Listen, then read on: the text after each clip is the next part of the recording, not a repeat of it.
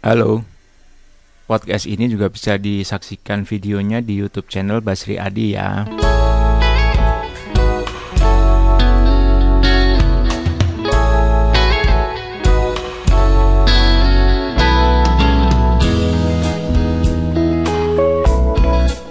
Baik, selamat pagi teman-teman semua.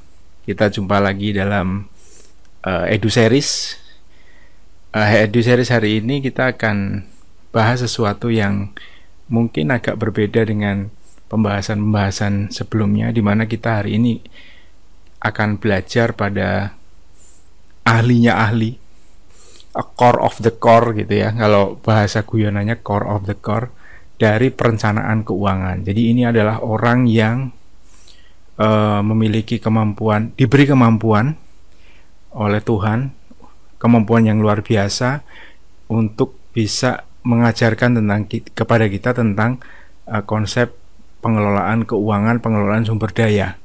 Dan orang ini mungkin uh, selama ini kita pelajarin tapi mungkin kita nggak sadar gitu teman-teman semua. Nah, siapa orang itu? Uh, nanti teman-teman akan tahu, semua akan tahu siapa dia dan kisah ini adalah kisah yang spesial gitu ya karena dia tidak hanya diabadikan di dalam buku dongeng atau buku cerita tapi diabadikan di dalam kitab suci. Wow, luar biasa. Jadi ternyata zaman dulu ada orang yang sudah diberi anugerah untuk mengajari kita mengenai perencanaan keuangan yang baik dan benar gitu ya. Jadi kalau kita mau belajar soal perencanaan keuangan yang baik dan benar sebenarnya nggak usah cari ke mana-mana karena ternyata di dalam kitab suci, terutama kitab suci orang Muslim Al-Quran itu sudah ada dan saya dengar tidak hanya di kitab suci uh, Al-Quran tapi di kitab suci sebelumnya juga disebut. Nah siapakah dia? Saya akan bawa teman-teman dalam sebuah cerita Nah, yuk kita mulai dengar dan ikuti ceritanya. Cerita tentang pelajaran soal perencanaan keuangan yang masih relevan, masih berlaku hingga hari ini. Yuk kita mulai lihat ke slide. Nah, teman-teman, uh, ini adalah slide pertama. Jadi kisahnya dimulai di Mesir uh, tahunnya tidak pernah diketahui tahun berapa gitu ya. Dan waktu itu uh, raja Mesir yang berkuasa di sana dan ra setiap raja Mesir yang sangat berkuasa itu diberi gelar Firaun. Walaupun akhirnya nama Firaun itu hanya disebut untuk raja Mesir yang berkuasa di zaman Nabi Musa dan Nabi Harun. Tapi sebenarnya raja-raja Mesir yang berkuasa itu diberi gelar Firaun. Nah saat itu oleh uh, riwayat Ibnu Kasir ada seorang raja Mesir bernama Arroyan bin Al-Walid bin Sarwan bermimpi dia. Suatu malam dia tidur dan dia bermimpi gitu. Apa sih uh, mimpinya? Nah, sang raja itu bermimpi melihat tujuh ekor sapi betina yang gemuk dimakan oleh tujuh sapi betina yang kurus gitu. Dan dia melihat tujuh butir gandum yang hijau dan tujuh lainnya kering.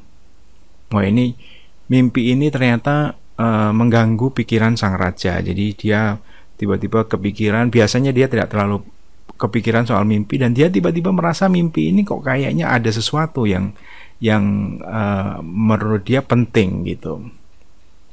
Maka uh, dia kumpulkan semua pembesar uh, di Mesir pada waktu itu pemikir kerajaan orang-orang pinter dia kumpulin semua untuk membantu menakwilkan atau menerjemahkan ya menerjemahkan mimpi sang raja gitu.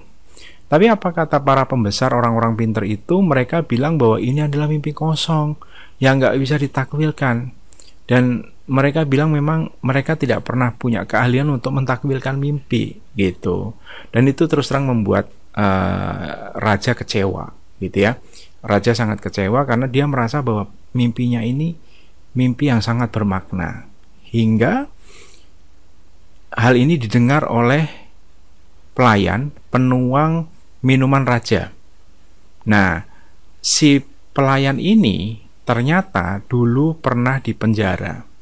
Dia dipenjara satu sel bertiga dengan orang yang namanya Yusuf dan satu orang lagi yang dipenggal oleh raja karena berkhianat. Nah, tiga uh, dua orang ini, dua orang uh, uh, yang satu sel sama Yusuf ini dia bilang mereka punya mimpi.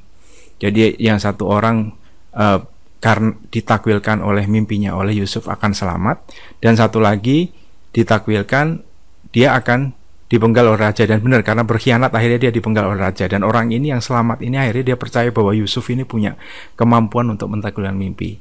Dia bilang kepada raja, "Raja, aku akan kasih tahu kamu, aku akan beritahu kamu orang yang bisa menampilkan mimpi. Namanya Yusuf. Dia pernah berada satu penjara sama aku." Kata si penuang minuman raja ini. Maka Raja saking penasarannya memerintahkan untuk panggil Yusuf, gitu ya. Nah, pada saat ditanya soal uh, mimpi itu, uh, Yusuf bilang, Yusuf berkata bahwa takbir mimpi itu adalah agar kalian bercocok tanam tujuh tahun berturut-turut. Jadi bekerja keras selama tujuh tahun berturut-turut dan hendaklah apa yang kamu peroleh itu dari pekerjaan kamu bercocok tanam itu atau bekerja gitu ya itu kamu simpan dan kamu biarkan bulirnya agar tidak rusak kecuali sedikit untuk kamu makan. Luar biasa. Jadi message-nya adalah jangan dihabiskan semua jangan dimakan semua simpan simpan sebagian besar. Yang sebagian kecil boleh dimakan. Jadi istilahnya adalah disisihkan bukan disisakan gitu. Kalau disisakan kan biasanya sisa itu sedikit ya. Jadi yang dimakan banyak sisanya sedikit. Nah ini enggak, ini justru yang suruh makan sedikit gitu. Kenapa kenapa e, harus seperti itu gitu ya? Karena e, kenapa kamu harus simpan sebagai hasil panenmu gitu? Karena akan datang tujuh tahun berikutnya yang sangat sulit. Yang itu disebut musim paceklik ya biasanya ya di mana mungkin musim kemarau terlalu panjang gitu sehingga tanaman nggak bisa tumbuh karena terlalu panas yang itu akan menghabiskan apa yang kamu simpan sebelumnya. Kecuali bibit-bibit gandum yang kamu simpan.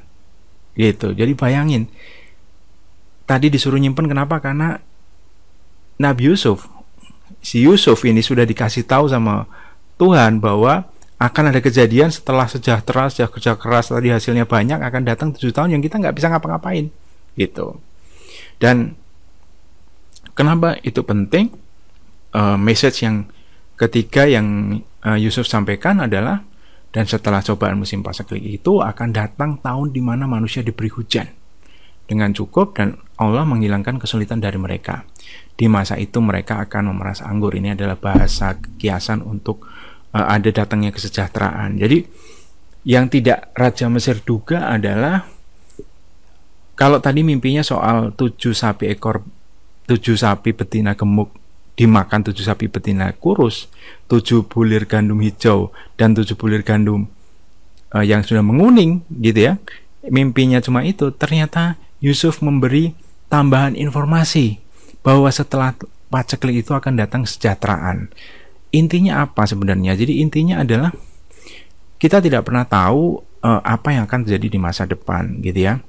Kalau misalnya tadi kita lagi sejahtera-sejahteranya dan kita tidak melakukan proses menyisihkan tadi, menyimpan, maka kita tidak akan sampai kepada masa yang ketiga tadi, masa sejahtera, masa di mana musim paceklik berlalu, gitu ya, karena pada saat musim paceklik kita tidak punya persiapan. Nah, jadi uh, luar biasa sekali pelajaran dari dari surat uh, Yusuf ini. Jadi kita diajarkan untuk menyisihkan bukan menyisakan. Mengapa kita menyisihkan bukan menyisihkan? Karena akan datang satu masa di mana yang kita nggak duga. Di mana ada paceklik di tengah-tengah dua masa sejahtera. Barangkali kalau kita nggak menyimpan, maka uang kita tidak akan sampai ke masa yang sejahtera itu. Gitu. Itu pelajaran yang uh, luar biasa. Dan itu karena konsep perencanaan sumber daya ya. Ya kalau kita sekarang sumber daya uang ya jadi perencanaan keuangan itulah yang merupakan uh, rahmat dari Allah Subhanahu Wa Taala. Dan itu membuat Yusuf ditawari diangkat dan dia menawarkan diri sebenarnya. Menawarkan Yusuf menawarkan diri untuk bisa mengabdi kepada orang banyak dan dia akhirnya menjadi bendaharawan negara Mesir yang membawa Mesir menjadi sebuah negara yang makmur sejahtera. Yang ketika musim paceklik semua negeri di seluruh dunia hancur lebur Mesir tetap berjaya. Itu yang membuat akhirnya saudara-saudara Yusuf yang tadinya membuang Yusuf datang lagi kepada Yusuf dan dia nggak tahu mereka tidak tahu bahwa ternyata yang mereka hadapi adalah uh, Yusuf yang sempat mereka buang ke sumur mungkin teman-teman bisa baca kisah Nabi Yusuf sebelumnya ya sebelum sampai ketemu Raja Mesir itu dan ini yang menyelamatkan uh, rakyat Mesir dari bencana kelaparan bencana paceklik gitu ya dan ini yang konsep ini yang tidak dimiliki oleh negara-negara lain yang akhirnya mereka uh, collapse gitu ya. Nah teman-teman, uh, apa sih sebenarnya pelajaran yang kita bisa ambil dari Nabi Yusuf? Kalau saya bilang itu adalah perencana keuangan pertama di dunia, gitu ya. Dia nabi sekaligus menteri keuangan pertama di dunia barangkali, gitu ya. Bahwa Nabi Yusuf bilang bahwa kalau kamu punya penghasilan banyak, sisihkan dulu. Bukan disisakan. Sisihkan untuk apa dan ke mana? Nah, ini kan pertanyaannya.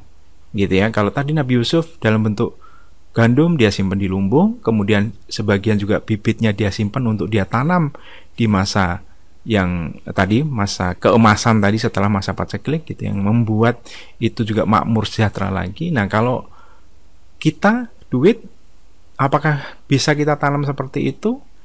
Jawabannya ternyata bisa. Ke mana? Nah, kembali lagi ke kisah petani jagung. Nah, linknya ada di atas ini teman-teman. Nanti kisah petani jagung eh, yang mengajarkan tentang konsep SI dan P. Itu balik lagi tuh, konsep SI dan P. Dan konsep SIP itu ternyata bukan ditemukan oleh siapa-siapa, ternyata konsep itu sudah diajarkan sejak zaman Nabi Yusuf gitu ya. Dan Nabi Yusuf itu adalah termasuk nabi yang mulia, namanya disebut 27 kali dalam Al-Qur'an. Dia adalah uh, anak dari Nabi Yakub, di mana Nabi Yakub adalah anak, anak dari Nabi Ishak.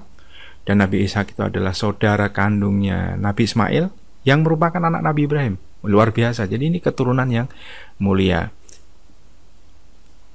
Benar-benar pilihan gitu ya. Jadi teman-teman uh, itu yang mungkin pelajaran kita bisa ambil dari uh, pelopor perencana keuangan terbaik di dunia menteri keuangan pertama di dunia gitu ya Nabi Yusuf gitu teman-teman dan nanti kita akan uh, bedah lagi mengenai SIP tadi kemarin mungkin teman-teman bisa nonton video ini di SIP dan nanti kita akan bicara di video berikutnya tentang nilai ekonomi. Apa sih nilai ekonomi gitu ya? Kalau kebanyakan orang datang kepada Anda agen-agen asuransi bilang bahwa Anda harus punya nilai ekonomi, harus melindungi nilai ekonomi. Melindungi nilai ekonomi karena sebenarnya asuransi jiwa bukan melindungi jiwa. Jiwa nggak bisa dilindungi. Kalau memang sudah waktunya pulang ke Balikpapan dia akan pulang ditarik pulang gitu ya yang harus dilindungi adalah nilai ekonomi nah apa sih sebenarnya nilai ekonomi nanti kita akan bahas di edusaris uh, berikutnya mengenai pentingnya perencanaan perlindungan atas nilai ekonomi karena kalau tidak dilindungi ya kita nggak pernah tahu ya teman-teman. Nah saya kira uh, itu video yang bisa saya sampaikan mengenai uh, pelajaran dari Menteri Keuangan pertama di dunia dari perencana keuangan terbaik di dunia gitu ya yang bisa membawa negara Mesir menjadi negara yang makmur berlimpah gitu ya di tengah negara-negara lain yang pada saat paceklik itu uh, nyungsep semua gitu. Oke teman-teman, uh, terima kasih. Kita akan ketemu di video berikutnya kita akan bahas soal nilai ekonomi. Oke, jangan lupa uh, klik like, share dan subscribe. Terima kasih.